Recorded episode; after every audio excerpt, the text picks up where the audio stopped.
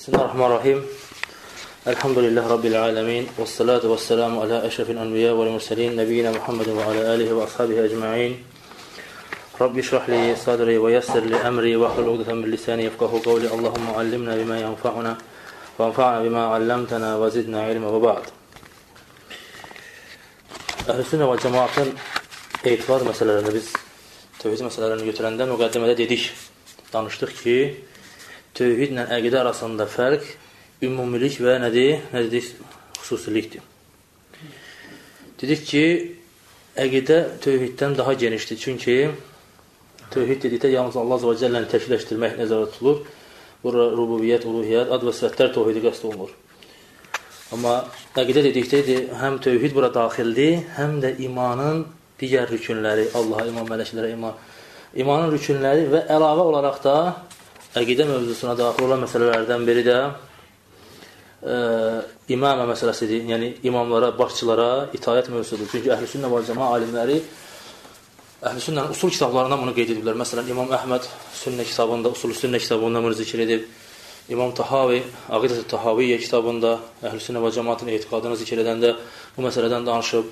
Necə Şeyx İslam ibn Teymiyyə rahimehullah Vasitiyyə qidəsində və eləcə də İmam Əcurri rahimehullah Şəriyə kitabında bu mövzuya ayrıca yer ayırıblar. İmam Əcurri kitabını demək olar ki, ilk müqəddiməsini yalnız əvvəlini bu mövzu ilə başlayır. Hakimlərə itayət, onlara qarşı çıxmağın haramlığı məsələsi. Və bu mövzuda alimlərimizin, müasir şeyxlərdən birinin yazdığı müxtə, e, yəni müxtəsər bir kitab əlimə keçdi. Kitab məsələləri, e, yəni düzdür, elhamdülillah, sələfin bu mövzuda yazdığı kitablar çoxdur. Daha geniş yazıblar. Amma bu kitabın müxtəsərliyinə görə Bir də kitabın e, nətər deyim, yəni elə bir ki, təqsimlərə bölməyə, qismlərə 1, 2, 3 punktlara bölmə baxımından bu tərəfdən kitabı üstün gördüyüm üçün bu kitabı da inşallah sizinlə e, bu dövrədə, mübarək günlərdə inşallah oxumaq istədim. Və şeyx kitabın əvvəlində gətirir ki, Bu məsələdə, yəni ki, əhlüsünnə və cəmaatın e, etiqad məsələlərindən olan bu məsələdə insanların ehtiyacı bu günümüzdə daha çoxdur. İnsanların bu günümüzdə yəni batillərə düşməsinin səbəbindən, əhlüsünnə və cəmaatın mənhəcindən çıxması səbəbindən, mitinqlərə, sonra e, üsyanlara qarışması səbəbindən bu mövzu haqqında danışmağın e, vacibliyini üzərimə gördüm. Müəllif deyir ki, bu da təkfir və e, təfsirlərin, yəni, takvir etmək mövzusu, eyni zamanda partlayışların, terrorun hamısının səbəbi nədir?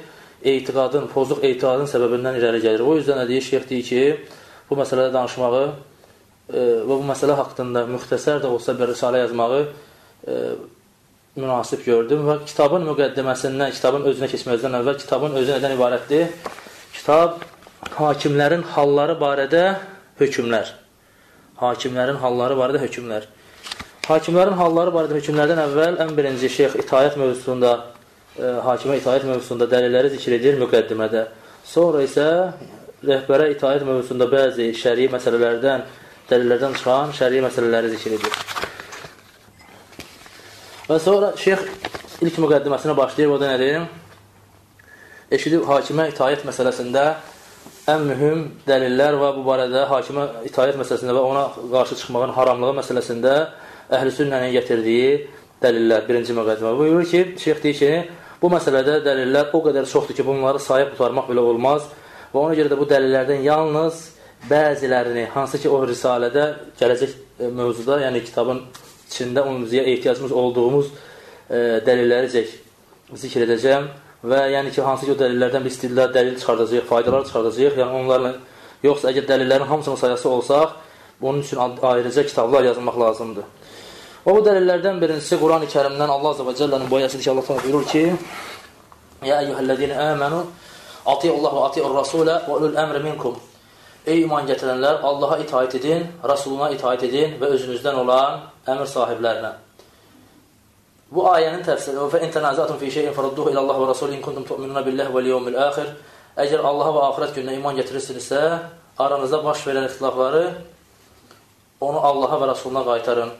Zəlikə xeyrun və əhsanu təvilə. Bu sizin üçün daha xeyirli və yozunu sonu daha yaxşı olandır. Nisa surəsinin 59-cu ayə, ayəsi. Və bu ə, ayənin istidlalında alimə yetir ki, burada ayədə keçən ulul əmr, əmr sahibləri dedikdə, əhlüsünnə alimləri bu, ayənin təfsirində ixtilaf ediblər ki, əmr sahibləri kimlərdir?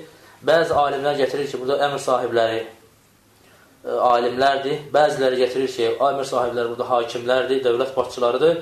Bəziləri də gətirir ki, həm alimlər və hakimlərdir. Və məsələn, İbn Cəvərir At-Tabari rahimehullah tərcih eləyir ki, burada məqsəd hakimlərdir. Ə, amma daha doğru olan inşallah görüş odur ki, bu həm alimləri əhatə edir, həm də hakimləri. Yəni, dünya işlərində hakimlərə itaat edirsən, din işlərində də alimlərə itaat edirsən. Və dəlillərdən ikincisi Ubayd ibn Samit radiyallahu anh hədisi deyir ki, Rasulullah sallallahu aleyhi ve sellem bizi dəvət elədi və biz onu beyyət etdik. Və bizim bizim üzərimizə vacib elədiyi beyyətdən biri də nə idi?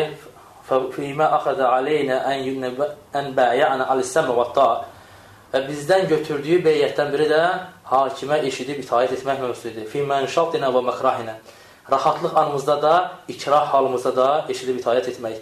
Və usrinə və yusrinə Yəni, asanlığımızda da, çətinliyimizdə də itaət etməyi əmr etdi. Və əthratin aleynə Hətta bizə, nəfsimizə ağır gələn məsələlərdə də itaət etməyi əmr etdi. Və ən lə nəzi'əl əmrə əhləhu Və heç zaman onların itayətindən əlimizi çəkməməyi bizdə vəd aldı. Yəni, onlara qarşı çıxmamağı bizdən vəd aldı. Və qal, Peyğəmbər s.ə.v dedi ki, İllə ən tarav kufran bavahan ma'akum minallahi fihi burhan. Yalnız o halda olar ki, onlardan əlinizdə açıq-aşkar dəlil olan bir şəkildə açıq-aşkar küfür görəsiniz. Kufr bavah, yəni vadih, yəni açıq-aşkar, açıq şək şübhə yeri yoxdur. Hədisi İmam Buxari və Müslim rəvayət etmişdir. Digər bir hədisdə Əbu Hüreyr İbn Abbas radiyallahu anh hədisində deyir ki, Rasulullah səlləm deyir ki, "Mən kərhə min əmirihi şey'ən fəlyasbir alayh." Kim əmrindən, başçısından bir şey görərsə, xoşuna gəlməyən bir şey görərsə, nə etsin? Ona səbr etsin. Fə innehu leysə əhədun minən nasi xaraca minəs sultan şibran fəmətə aleyhi fəmə illə mətə mitlən cəhiliyyə. Rasulullah səlləm deyir ki, əgər kim insanlardan hər hansı biri hakimə qarşı çıxarsa, onun itayətindən bircə qarış boyun qaçırarsa və o şəkildə ölərsə, yəni tövbə etmədən cahiliyyə üzərində ölmüşdür. İmam Buxari və İmam Muslim rəvayət etmişdir. Digər bir hədisdə Əbu Hurayra radiyallahu anh gələn hədisdə Peyğəmbər sallam deyir ki, Mən xaraca minnət ta'a və fəraqal cəmaətə fəmətə mətə mitətən cəhiliyyə Kim hakimin itayətindən çıxarsa və cəmaatdan ayrılarsa və bu şəkildə ölərsə, cahiliyyə üzərində ölmüşdür. Və mən qatilə təhtə rayətən ammiyyə yağlabu li asabiyyə əv yəd'u li asabiyyə əv yansur li asabiyyə fəqutilə fəqitlətuhu cahiliyyə Kim cahil bir bayraq altında vuruşarsa, onun üçün qəzəb, ə, yəni təəssüb, təəssübkeşlik üçün, qövmçülük üçün qəzəblənərsə, yaxud qövmçülüyə dəvət edərsə, yaxud qövmçülüyə yardım edərsə və bu şəkildə ölərsə, cahiliyyə üzərində ölür. Və mən xarəcə alə ümməti yadribu bərrəhə və fəcirəhə və la yətəhəşə min müminihə və la yəfi lizi əhdin əhdə fəleysə minnə və ləstə minhum. Subhanallah. Baxın, Rasulullah s.ə.v nə deyir? Hədisin axırında deyir ki, kim mənim ümmətimə qarşı çıxarsa, onun yaxşısını da pisini də öldürərsə, ümmətimin yaxşısını da pisini də öldürərsə, yəni yaxşısını və pisini öldürər, və lə yətəhəşə min müminihə, mümininin heç vaxt öldürməkdən çəkinməzsə və əhd sahibinin, əhd sahibinin əhdini verməzsə, əhdinə vəfalı olmazsa, yəni başçının əhdinə sadiq olmazsa, fəleysə minnə və ləstü minnə. Nə o məndən deyil, nə də mən ondan deyiləm. Subhanallah. Hədisi İmam Muslim rəvayət edir. Və Ümmü Sələmə radiyallahu anh gələn hədisdə Peyğəmbər sələm buyurur ki, İnnəhu səyistəməl aleykum umara fətə'rifunə və tunkirun. Peyğəmbər sələm deyir ki, sizin başınıza əmirlər təyin olunacaq, başçılar təyin olunacaq. Onları görüb inkar edəcəksiniz. Fəmən kərihə fəqad bəriyə. Kim ikrah edərsə artıq canını qurtarıb. Və mən ənkara fəqad səlimə. Kim inkar edərsə, münkəri inkar edərsə, artıq salamat qalıb. Və mən və lakin mən radiyə və təbəə. Həlak olanlar kimlərdir? Razı qalıb o münkərə da, da münkərin dalına gedənlər. Deməli, ya inkar münkəri inkar edəcək. Gücün çatırsa o da gələcək inşallah. Hakimə münkər necə inkar edilir? Əhlüsünnənin mövqiyə gələcək. Ya inkar edirsən, bacarmasan ən azından nə edirsən? İkrah qəlbində ikrah eləməlisən. Bundan aşağısı nədir? Haramdır. Yəni, onun münkərinə razı qalmaq və yaxud münkərinə e, tabi olan o münkərini təkrar eləmək, nədir Peyğəmbər bunu e, inkar edib bizə. Sahabələr də, ya Rasulallah, əllə, ələ nüqatiluhum, onlarla vuruşmayaqmı? Peyğəmbər deyir, lə, mə'asallu, xeyr, namaz qıldıqca vuruşmayın. Hədisi İmam Müslim rəvayət etmişdir. Baxın, Peyğəmbər s.ə.v nə deyir? Sizin başınıza hakimlər olacaq, siz onlardan görüb inkar edəcəksiniz. Yəni, buradan nədir məqsəd? Yəni, münkər gördüyündə münkərinə razı olmayacaqsan. Ən azından qəlbində inkar edəcəksən. Aydın mı? Və nəsihətə də necə ki, Peyğəmbər s.ə.v bizə öyrədib gələcək hədislər, əlindən tutub təhlikdə nəsiyyət edə bilirsənsə, o şəkildə edəcəksən. Yaxud onun əlindən tutub nəsiyyət edəcək birisini tapsan, ona nəsiyyət edəcəksən, o nəsiyyət etsin. Amma açıq-aşkar yox, o gələcək inşallah hədislərin ə, başa düşmə forulması. Həmçinin Əli radiyallahu anhdan gələn əsərdə Peyğəmbər s.ə.v deyir ki, Rasulullah s.ə.v bir dəstə ordu göndərdi və əmmərə aleyhim rəculə minin ansar. Ənsardan bir kişini də onların başına təyin elədi. Və əmərəhum ən yuti'u. Onları əmr elədi həmin başçıya tabi olsunlar. Ordu başçısına, komandan kimi yəni. Fəqadibə aleyhim və səfərdə həmin kişi onlara qəzəbləndi. فقال أليس قد أمر النبي صلى الله aleyhi ve sellem en tuti'uni? Onlara dedi ki size Peygamber sallallahu aleyhi ve sellem emretmeyip mi ki bana itaat edesiniz? Onlar dediler ki bəli, emir edibdi Peygamber sallallahu aleyhi ve sellem. Dedi o zaman قد عزمت عليكم لما جمعتهم جمعتم حطبا وأوقدتم نارا ثم دخلتم فيها فجمعوا حطبا وأوقدوا نارا فلما هموا بالدخول قام ينظر بعضهم إلى بعض قال بعضهم إنما تبعنا النبي صلى الله عليه وسلم فرارا من النار أفندخلها فبينما هم كذلك إذ خمدت النار وسكن غضبه فذكر ذكر للنبي صلى الله عليه وسلم وقال لو دخلوها ما خرجوا منها أبدا إنما تعظ في المعروف Və həmin insan orduda, yəni ordular, orduda olan əskərlərə qəzəblənir, sahabələrə qəzəblənir komandan. Və deyir, Peyğəmbər sələm sizə əmr etmədim ki, mənə itaat edin. Deyir, bəli. Deyir, o zaman mən sizə əmr edirəm ki, odun toplayın və od qalayın. Ondan sonra hamınız o odun içinə girin, ateşin içinə girin. Və sahabələr odu toplayırlar, tonqalı qalayırlar. O ki, qaldı, ə, e, daxil olma anına gələndə hamısı bir-birinin üzünə baxır. Bir-birinin üzünə baxır və biri onadan qalxıb deyir ki, biz Peyğəmbər s.ə.və nə üçün tabi olduq? Ateşdən, oddan qurtarmaq üçün Peyğəmbər s.ə.və tabi olduq. İndi oda mı daxil olacaq? Və bunlar başlayırlar aralarında münaqişə eləyir. Ona qədər od e, külə dönür, yanıb qutarır odun və başçılarının da, həmin sahabənin də qəzəbi soyuyur. Və geri döndüyündə Peyğəmbər s.ə.və ərz eləyəndə ki, belə bir şey verdi, Peyğəmbər s.ə.və ki, əgər onlar daxil olsaydı, oradan heç vaxt çıxmayacaqdılar. Çünki itayət məruf olan şeylərdə olur. Yəni, Allaha asi olan şeylərdə nədir? İtayət yoxdur. Həmçinin bu hədisi İmam Buxari və Müslim rəvayət edib. Həmçinin İbn Ömər radiyallahu anhə gələn hədisdə Peyğəmbər s.ə.v buyurur ki, Əs-səmu əs-səmu və ta'a aləl-mər'il muslim fi mə əhəbbə və kərih mə ləm yuqmar bi-məsiyə kişiyə, ə, e, müsəlman bir kişiyə sevdiyi şeydə də, xoşuna gedən şeydə də, getməyən şeydə də eşidib itaət etmək vacibdir. Nə vaxta qədər? Ona masiyə, yəni günah əmr olunmayana qədər. Fə in umra bi məsiyyətin fələ səm'u alayhi və la ta'a. Amma günah əmr olunarsa, o zaman o eşidib itaət etməməlidir. Yəni buradan hədisi də İmam Törimiz rivayət edib Şeyx Albani rahimehullah da Cəmiə sahibdə səhih deyib. Yəni hədisdən məqsəd o demək deyil ki, məsələn, sənə bir, bir hər hansı bir məsələ e, günahı əmr elə, belə deyək ki, məsələn, sən eşidib itaət etmək sənə vacibdir. Gəldi sənə bir haramı əmr etdi ki, saqqallığı qırıq. O günahı əmr edib. İtaət edəcəksənmi? Xeyr etməyəcəksən. Yəni, nədə itaət etməyəcəksən? Bütün da bundan sonra hər şeydən xeyr. Yəni, saqqal məsələsində itaət etməyəcəksən. Aydın mı? Saqqal məsələsində tabi olmayacaqsan. Amma o demək deyil ki, bir məsələdə e, yəni sağa günahı əmr eləmək onun itaətini tamamilə qaldırmır. Aydın oldu mu? Və Alqama ibn Vail el-Hadrami deyir ki, atasından rivayət edir ki, Sələmə ibn Yezid el-Cü'fi Rasulullah s.ə.v soruşur ki, ey Allahın Rasulü, İn qamət aleynə umara yəsəlunə haqqəhum və yəmnəunə haqqənə fəmədə tə'muruna? Sahabə soruşur ki, Sələmə bin Yezid, Yezid el-Cəfi radiyallahu anh soruşur ki, ey Allahın Rasulü, əgər başımıza elə bir başçılar gələrsə, öz haqlarını bizdən tələb edərlər, amma bizim haqqımızı verməzlərlərsə, bizim haqlarımıza mani olarlarsa, nə etməyi əmr edirsən bizə? Fəərada anhu, Peyğəmbər səsələm ondan üz çevirir, həmin sahabədən. Sahabə təkrar sualı soruşur, Peyğəmbər s.ə.v təkrar, bir də üz çevirir.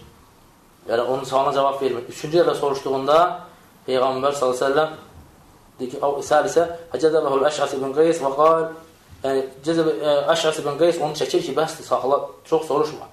Və Peyğəmbər s.ə.v çevirir deyir ki, İsməu və atiyu, eşidin, itaət edin. Yəni, səndən haqqını istəyir hakim və sənin də haqqını vermir. Nə eləməlisən? Qılın çıxıb, qarşına çıxmalısan, mitingə çıxmalısan, üzsən eləməlisən, xeyr. Peyğəmbər deyir, eşid, itayət elə.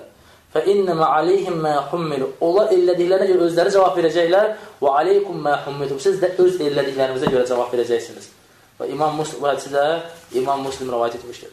Həmçinin Ərbad ibn Sari radiyallahu anh deyir ki, sallənə Rasulullah s.ə.v salat-ı subh. Bir gün Peyğəmbər s.ə.v bizə sübh namazını qıldırdı. ثم أقبل علينا ووعظنا موعظة وجلت منها القلوب وذرفت منها العيون. Bundan sonra bizə elə bir moizə elədi ki, ondan gözlərimiz doldu, qəlblərimiz titrədi. Fəqulna ya Rasulallah, kəənnəhə məv'idətə müvəddi. Ey Allahın Rasulu, dedik ki, ey Allahın Rasulu, bu elə bir ki, vidalaşan bir kəsin moizəsidir. Fəavsinə, bizə vəsiyyət elə. Rasulullah s.ə.v dedi ki, Usihum betəqvallah, sizə Allahdan qorxmağı tövsiyə edirəm. Və səmu atta və hakimə eşidib, itaət etməyi tövsiyə edirəm. Və in təəmmara aleykum abdul həbəşi sizin başınıza hətta həbəşi bir qul gəlsə belə, eşidin, itaət edin. Və innəhum mən yəiş minkum fəsəyərə ixtilafən kəthira. Kim məndən çox sonra uzun müddət yaşayarsa, çox yaşayarsa, çoxlu ixtilaflar görəcək. Fəaleykum bi sünnətə və sünnətil xulafəir raşidinəl mehdiyyin.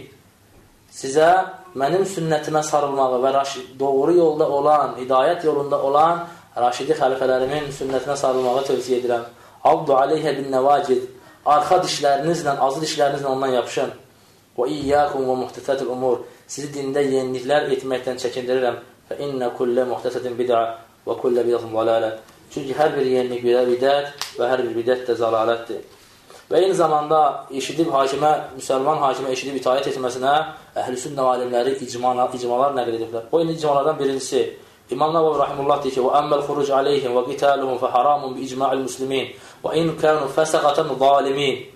Əhlüsünnə bütün müsəlmanlar icma ediblər ki, hakim fasiq, zalim da olsa belə ona qarşı çıxmaq, ona qarşı vuruşmaq, vuruşmaq bütün müsəlmanların icması ilə haramdır. Və qad təzaharat el-ahadis bi ma'na ma zakartuhu və ecma əhlüsünnə alə ennehu la yan'azilu sultan bil fisq. Və artıq buna zikr elədiyim hədislər və başqa hədislər dəlalət edir Və əhl-i sünnə də deyir, icma ediblər ki, hakim fiskinə görə, fasiqliyinə görə hakim azl olunmur. Yəni, hakimiyyətindən uzaqlaşdırılmır, deyir. Bu nədir? İmam Navavi Müslimin şərhində 12-ci cild 228-ci səviyyədə deyir. Və İbn Battal rahmeullah gətirir ki, "Vəl-fuqaha mucmi'un alə anna'l imam el-mutaqallib ta'atuhu lazimatun." Bütün fəqihlər icma edirlər ki, zorla hakimiyyətə gələn ha ə, e, hakim, zorla hakimiyyətə gələn hakim, onun itayəti belə vacibdir. Mə əqaməl cəmaat vəl cihad. Nə vaxta qədər cəmaatları ki, nə vaxt cəmaat namazlarını yerinə yetirir və cihadı yerinə yetirir. Və ənə ta'atuhu xeyrun minəl xuruc aleyhi. Və ona itayət eləmək, ona qarşı çıxmaqdan daha xeyirlidir. Limə fi zəlikə min haqqın dimə və təskini dəhmə. Və deyib, çünki nə üçün? Çünki burada qan axıdılmasının qarşısı var. Yəni, əhlüsünnə və cəma bunu elə belə havadan deməyib. Bu da İmam Buxarinin şərh edən alimlərdən İbn Battal rahiməhullah. İxlasla.com saytı tərəfindən təqdim olundu.